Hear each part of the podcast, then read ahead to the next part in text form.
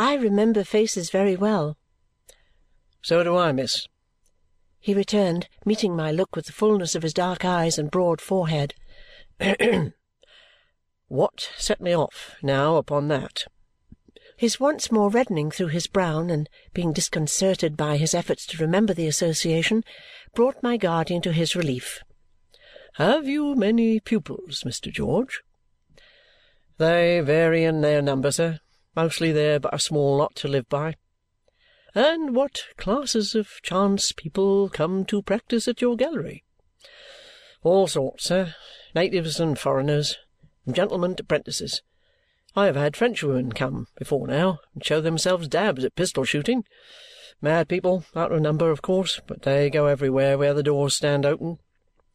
People don't come with grudges and schemes of finishing their practice with live targets, I hope," said my guardian, smiling. "Not much of that, sir, though that has happened. Mostly they come for skill or idleness. Six of one, half a dozen of the other. I beg your pardon," said Mr. George, sitting stiffly upright and squaring an elbow on each knee. "But I believe you're a Chancery suitor, if I have heard correct?" "I am sorry to say I am. I have had one of your compatriots in my time, sir." "A Chancery suitor?" Returned my guardian. "How was that?" "Why, the man was so badgered and worried, tortured by being knocked about from post to pillar and from pillar to post," said Mr. George, "that he got out of sorts.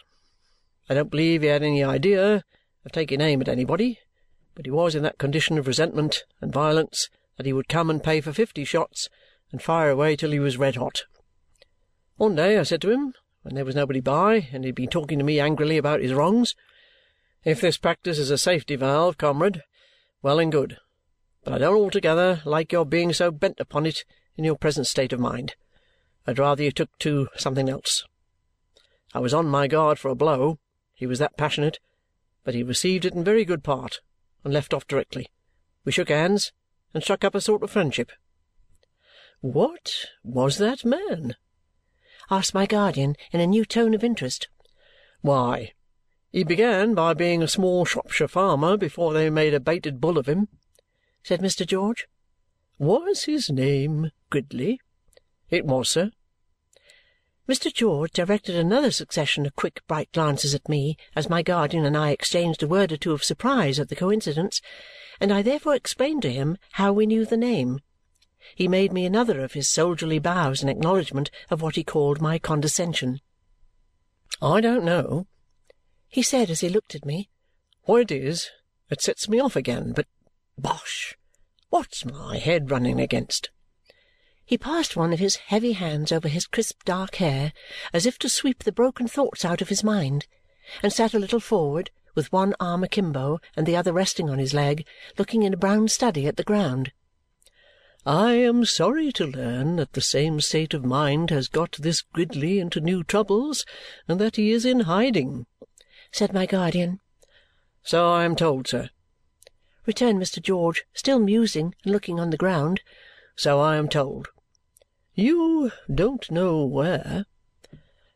"No, sir," returned the trooper, lifting up his eyes and coming out of his reverie.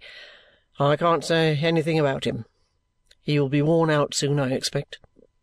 You may file a strong man's heart away for a good many years, but it will tell all of a sudden at last." Richard's entrance stopped the conversation. Mr. George rose, made me another of his soldierly bows, wished my guardian a good day, and strode heavily out of the room. This was the morning of the day appointed for Richard's departure. We had no more purchases to make now, I had completed all his packing early in the afternoon, and our time was disengaged until night, when he was to go to Liverpool for Holyhead. Jarndyce and Jarndyce being again expected to come on that day, Richard proposed to me that we should go down to the court and hear what passed. As it was his last day, and he was eager to go, and I had never been there, I gave my consent, and we walked down to Westminster, where the court was then sitting. We beguiled the way with arrangements concerning the letters that Richard was to write to me and the letters that I was to write to him, and with a great many hopeful projects. My guardian knew where we were going and therefore was not with us. When we came to the court, there was the Lord Chancellor, the same whom I had seen in his private room in Lincoln's Inn, sitting in great state and gravity on the bench, with the mace and seals on a red table below him and an immense flat nosegay like a little garden which scented the whole court. Below the table again was a long row of solicitors, with bundles of papers on their matting at their feet, and then there were the gentlemen of the bar in wigs and gowns, some awake and some asleep, and one talking, and nobody paying much attention to what he said. The Lord Chancellor leaned back in his very easy chair with his elbow on the cushioned arm and his forehead resting on his hand. Some of those who were present dozed, some read the newspapers, some walked about or whispered in groups. All seemed perfectly at their ease, by no means in a hurry, very unconcerned, and extremely comfortable. To see everything going on so smoothly, and to think of the roughness of the suitors' lives and deaths, to see all that full dress and ceremony, and to think of the waste and want and beggared misery it represented, to consider that while the sickness of hope deferred was raging in so many hearts, this polite show went calmly on from day to day and year to year in such good order and composure to behold the Lord Chancellor and the whole array of practitioners under him looking at one another and at the spectators as if nobody had ever heard that all over England the name in which they were assembled was a bitter jest, was held in universal horror, contempt, and indignation, was known for something so flagrant and bad that little short of a miracle could bring any good out of it to any one. This was so curious and self contradictory to me, who had no experience of it, that it was at first incredible, and I could not comprehend it. I sat where Richard put me and tried to listen, and looked about me, but there seemed to be no reality in the whole scene except poor little Miss Flite, the madwoman, standing on a bench and nodding at it. Miss Flite soon espied us and came to where we sat. She gave me a gracious welcome to her domain and indicated, with much gratification and pride, its principal attractions. Mr. Kenge also came to speak to us and did the honours of the place in much the same way, with the bland modesty of a proprietor. It was not a very good day for a visit, he said. He would have preferred the first day of term, but it was imposing. It was imposing. When we had been there half an hour or so, the case in progress, if I may use a phrase so ridiculous in such a connexion, seemed to die out of its own vapidity without coming, or being by anybody expected to come, to any result.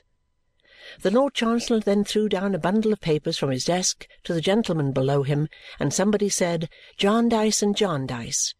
Upon this there was a buzz, and a laugh, and a general withdrawal of the bystanders, and a bringing in of great heaps and piles and bags and bags full of papers. I think it came on for further directions about some bill of costs, to the best of my understanding, which was confused enough, but I counted twenty-three gentlemen in wigs who said they were in it, and none of them appeared to understand it much better than I. They chatted about it with the Lord Chancellor, and contradicted and explained among themselves, and some of them said it was this way, and some of them said it was that way, and some of them jocosely proposed to read huge volumes of affidavits, and there was more buzzing and laughing, and everybody concerned was in a state of idle entertainment, and nothing could be made of it by anybody. After an hour or so of this, and a good many speeches being begun and cut short, it was referred back for the present, as Mr. Kenge said, and the papers were bundled up again before the clerks had finished bringing them in. I glanced at Richard on the termination of these hopeless proceedings and was shocked to see the worn look of his handsome young face. "It can't last for ever, Dame Durden. Better luck next time," was all he said. I had seen Mr. Guppy bringing in papers and arranging them for Mr. Kenge, and he had seen me and made me a forlorn bow, which rendered me desirous to get out of the court. Richard had given me his arm and was taking me away when Mr. Guppy came up.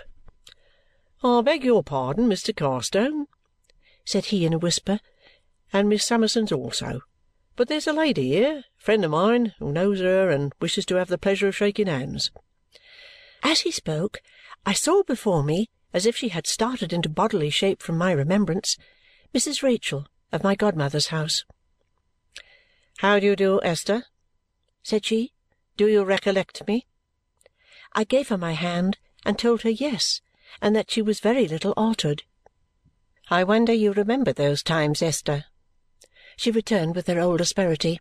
"They are changed now. Well, I am glad to see you, and glad you are not too proud to know me." But indeed she seemed disappointed that I was not. "Proud, Mrs. Rachael? I remonstrated. "I am married, Esther," she returned, coldly correcting me, "and am Mrs. Chadband. Well, I wish you good day, and I hope you'll do well."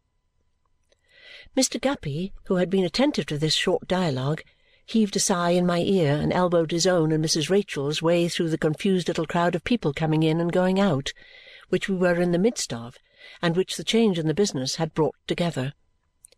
Richard and I were making our way through it, and I was yet in the first chill of the late unexpected recognition when I saw coming towards us, but not seeing us, no less a person than Mr. George.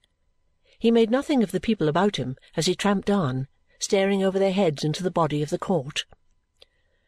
"George," said Richard as I called his attention to him. "You're well met, sir," he returned. "And you, miss. Could you point a person out for me I want? I don't understand these places." Turning as he spoke and making an easy way for us, he stopped when we were out of the press in a corner behind a great red curtain. "There is a little cracked old woman," he began, "that I put up my finger, for Miss Flite was close by me having kept beside me all the time and having called the attention of several of her legal acquaintance to me, as I had overheard to my confusion, by whispering in their ears, "Hush! Fitz Jarndyce on my left!" said Mr. George. "You remember, miss, that we passed some conversation on a certain man this morning, Gridley?" in a low whisper behind his hand. "Yes," I said. "He is hiding at my place. I couldn't mention it. Hadn't his authority. He is on his last march, miss, and has a whim to see her. He says they can feel for one another, and she has been almost as good as a friend to him here. I came down to look for her, for when I sat by Gridley this afternoon, I seemed to hear the roll of the muffled drums. "Shall I tell her?" Said I. "Would you be so good?" He returned with a glance of something like apprehension at Miss Flite. It's a providence I met you, miss. I doubt if I should have known how to get on with that lady." And he put one hand in his breast and stood upright in a martial attitude as I informed little Miss Flite, in her ear, of the purport of his kind errand. "My angry friend from Shropshire, almost as celebrated as myself!" She exclaimed. "Now really, my dear, I will wait upon him with the greatest pleasure. "He is living concealed at Mr. George's," said I. "Hush! This is Mr. George." "Indeed!" returned Miss Flite. "Very proud to have the honour. A military man, my dear, you know, a perfect general," she whispered to me. Poor Miss Flite deemed it necessary to be so courtly and polite as a mark of her respect for the army and to curtsy so very often that it was no easy matter to get her out of the court. When this was at last done, and addressing Mr. George as General, she gave him her arm, to the great entertainment of some idlers who were looking on. He was so discomposed and begged me so respectfully not to desert him that I could not make up my mind to do it, especially as Miss Flite was always tractable with me, and as she too said, Fitz Jarndyce, my dear, you will accompany us, of course?" As Richard seemed quite willing, and even anxious that we should see them safely to their destination, we agreed to do so. And as Mr. George informed us that Gridley's mind had run on Mr. Jarndyce all the afternoon after hearing of their interview in the morning, I wrote a hasty note in pencil to my guardian to say where we were gone and why. Mr. George sealed it at a coffee-house that it might lead to no discovery, and we sent it off by a ticket porter.